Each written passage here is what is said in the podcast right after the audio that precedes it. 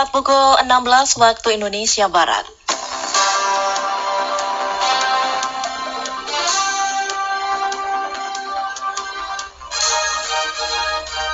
Selamat sore, saudara pendengar. Inilah Warta Berita Daerah hari ini, Kamis tanggal 5 November 2020 bersama saya, Nadianti. Menyikapi kasus pasien suspek COVID yang terjadi di Natuna saat ini, Satgas COVID Kabupaten Natuna menghimbau kepada masyarakat Natuna untuk tidak panik dan selalu mentaati protokol kesehatan yang ditetapkan oleh pemerintah. Santri Pondok Pesantren Madinah Tunajah tetap berada di pondok dan belajar seperti biasa di tengah pandemi COVID-19. Dari Jalan Raya Sempang Natuna, inilah Warta Berita Daerah selengkapnya. Menyikapi kasus pasien suspek COVID yang terjadi di Natuna saat ini, juru bicara gugus tugas Satgas COVID Kabupaten Natuna Hikmat Aliansa menghimbau kepada masyarakat Natuna untuk tidak panik dan selalu mentaati protokol kesehatan yang ditetapkan oleh pemerintah guna mengantisipasi dan mencegah penyebaran COVID-19. Hikmat menjelaskan saat epidemiologi cara penularan virus ini adalah melalui droplet dan bukan melalui udara. Untuk itu diharapkan kepada masyarakat untuk dapat menjaga jarak serta menggunakan masker saat beraktivitas. Kami menghimbau kepada seluruh masyarakat ya untuk menyikapi kasus ini. Jadi yang pertama itu jangan panik, yang kedua waspada dengan jaga jarak itu. Itu yang terpenting. Jadi kita tidak usah panik. Nah, ini sebenarnya kita harus tahu bahwa epidemiologi atau cara penularan ini adalah cara dengan droplet ya dengan droplet sehingga dia bukan airborne yang seperti asap gitu. Jadi kalau seperti asap orang membakar sampah kita lewat asap kita lewat baju. Oh, tidak tidak seperti itu. Jadi penyakit ini adalah percikan droplet dengan jarak 2 meter saja sudah insya Allah sudah aman gitu ya. Yang himbauan tadi yang pertama jangan panik yang kedua waspada dan jaga jarak. Pakai masker jika berada di tempat kerumunan. Kemudian selalu mencuci tangan dan mandi ketika habis beraktivitas di luar. Kemudian selalu berdoa dan semangat dan selalu pikiran yang positif. Lebih jauh Hikmat menjelaskan hingga saat ini pihak Satgas COVID Kabupaten Natuna masih melakukan pendalaman terhadap pasien COVID yang ditangani di RSUD Natuna. Hal itu mengingat antara pasien 01 almarhum Tuan Z dan pasien 02 Nyonya LP tidak pernah kontak ataupun bertemu, sehingga diperkirakan ada OTG lain yang hingga saat ini masih belum diketahui keberadaannya. Peningkatan kasus positif COVID-19 semakin bertambah. Kali ini satu perawat RSUD Natuna kembali dinyatakan positif dari hasil uji swab yang dikirimkan pada hari Senin 2 November 2020 sebanyak 8 sampel. Hikmat Aliansa selaku juru bicara COVID-19 Natuna membenarkan bahwa hari ini Kamis di Kabupaten Natuna telah bertambah kasus konfirmasi COVID-19 sehingga dengan begitu berarti sudah ada tiga terkonfirmasi positif COVID-19 di Kabupaten Natuna. Hikmat menyebutkan dari sampel ke-8 buah yang dikirim pada hari Senin yang lalu, sebanyak 7 sampel terima hasil negatif dan satu sampel terkonfirmasi positif. Dengan demikian, jumlah total pasien terkonfirmasi positif di Kabupaten Natuna total ada tiga orang, dua sedang dirawat dan satu meninggal dunia.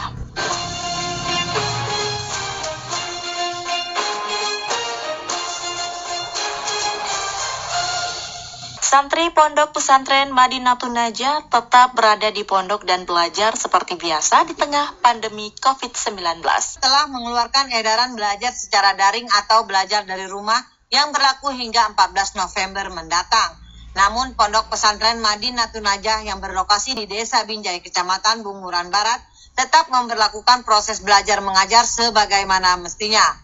Ketua Yayasan An-Najah Haji Said Ridwan saat dikonfirmasi mengatakan, langkah tetap memperlakukan sistem belajar dan santri tetap mondok diambil berdasarkan antara pihak yayasan, pihak sekolah, dan para wali santri. Maka dan menjawablah sebutnya oleh kepala sekolah dan seluruh guru kan berketat penjagaan atau keluar masuknya orang kan itu yang pertama. Yang kedua pertimbangan kita dari yayasan ya memang intinya jauh lebih bermanfaat mereka tetap di pondok dengan menjaga dengan disiplin protokol COVID daripada mereka di luar. Karena mereka di luar ini tidak ada jaminan bahwa mereka bisa mampu menjaga mereka. Tapi kalau di pondok pesantren, sekurang-kurangnya mereka merasa terawasi dan terkoordinir dalam satu lokasi yang sudah punya program padat mereka sehingga tidak mudah untuk keluar kan. Ya. Haji Said Ridwan menambahkan, keputusan santri tetap berada di pondok juga mengikuti edaran yang dikeluarkan oleh pemerintah Kabupaten Natuna, yakni agar para santri dapat lebih konsentrasi belajar dengan lebih memperbanyak kegiatan ekstrakurikuler yang dilaksanakan. Nah, ini jadi pertimbangan kita ini bukan kita mau menentang edaran, edaran itu sifatnya edaran bukan semacam peraturan kan? Artinya ada sanksinya. Tidak. Itu hanya edaran. Edaran itu boleh kita laksanakan tidak. Nah, kita tetap melaksanakan tetapi kita ya menjaga aturan-aturan tadi. Melaksanakan artinya tidak melaksanakan eh, edaran itu tapi kita melaksanakan aturan aturannya Cuma endingnya bagaimana anak-anak ini terdapat terhindar dari jangan sampai mereka terkontaminasi dengan COVID itu. Sementara itu, pihak pondok juga memperlakukan protokol kesehatan bagi pengunjung pondok pesantren Madi Natunaja, di mana di depan pintu gerbang telah ditempatkan santri putra secara bergiliran untuk mengecek suhu tubuh pengunjung dan mewajibkan untuk memakai masker serta mencuci tangan sebelum masuk ke dalam pondok. Kita balik ke informasi lainnya, pendengar BBKPPSDM Natuna tengah melakukan pemberkasan terhadap 131 orang pelamar CPNSD Natuna yang dinyatakan lulus seleksi. Selengkapnya di Jaliyah Winarti. 131 orang pelamar calon pegawai negeri sipil daerah CPNSD Natuna formasi 2019 telah dinyatakan lulus tes melalui pengumuman online pada 30 Oktober lalu. Kini tengah menyelesaikan tahap pemberkasan. Proses pemberkasan dilaksanakan Badan Kepegawaian Pendidikan dan Pengembangan Sumber Daya Manusia BKPP SDM Natuna yang dilaksanakan mulai 2 hingga 15 November 2020. Sekretaris BKPP SDM Natuna Adam Syah Diranai 2 sampai tanggal 15 November. Yang udah lulus nanti kan di daftar ulang segala macamnya. Terus nanti berkas itu tanggal 30 kita ada ke BKN. Ada 131 orang CPNSD Natuna yang lulus tersebut berasal dari 293 orang peserta tes CPNSD yang mengikuti seleksi kompetisi bidang pada September lalu. Sementara itu, kuota atau formasi penerimaan CPNSD Natuna tahun 2019 adalah 179 orang. Namun kuota tersebut tidak terpenuhi pada penerimaan CPNSD formasi 2019. Dari formasi 100, jadi untuk guru itu yang lulus 37, dari kuotanya 72. Terus untuk kesehatan, kuotanya yang lulus itu 45 terus untuk umum atau teknis itu 49 orang jadi yang tak lulus itu 48 orang ya Sejauh ini dari informasi kesehatan yang belum terpenuhi adalah untuk dokter spesialis gigi. Formasi tahu memang tidak ada pelamar. Sementara untuk formasi lainnya tambah Adam Sah, kebanyakan tidak lulus pada tahap seleksi.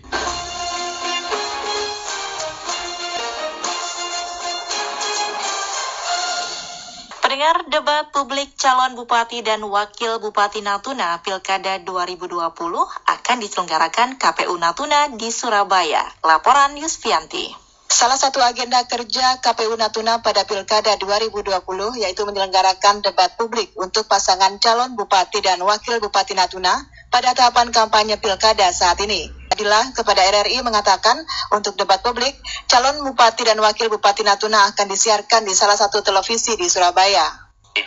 Terkait persiapan debat kita, debat publik kita itu tanggal 13 November tahun 2020 pada hari Jumat eh, tanggal 13 November tersebut ya, pukul 19.00 sampai dengan selesai di JTV. Insya Allah kita sudah dalam proses ya proses persiapan dan untuk itu memang kita juga sudah melakukan beberapa kali koordinasi. Jadi untuk terkait yang siapa yang boleh hadir boleh hadir di acara debat tersebut tentu sesuai dengan PKPU adalah eh, yang pertama adalah dua pasangan calon. Dua pasangan calon itu hadir. Terus yang kedua itu adalah yang hadir adalah e, empat tim pemenangan dari masing-masing pasangan calon. Terus dua orang dari Bawaslu selanjutnya moderator dan komisioner KPU Kabupaten Natuna. Jadi itu yang hadir nanti di acara debat publik.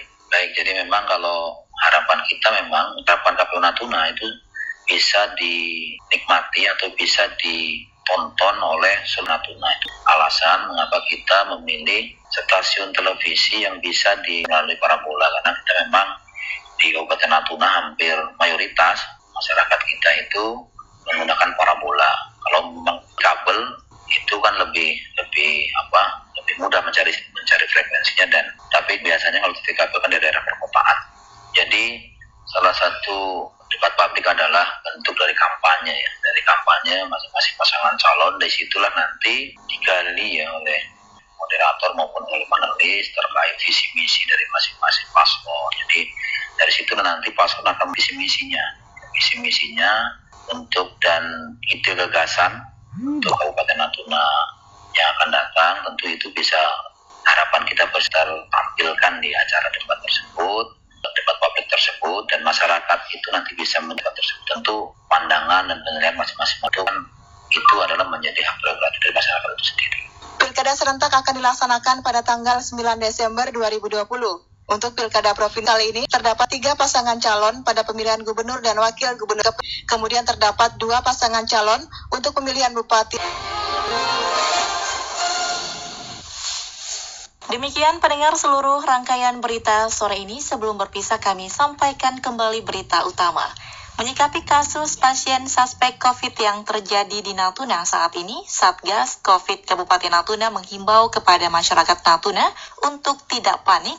Santri Pondok Pesantren Madinah Tunaja tetap berada di pondok dan belajar seperti biasa di tengah pandemi COVID-19.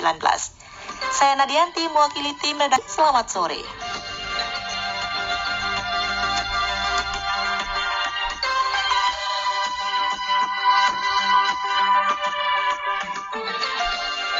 Sekian Warta Berita Daerah Radio Republik Indonesia Ranai Radio Publik milik bangsa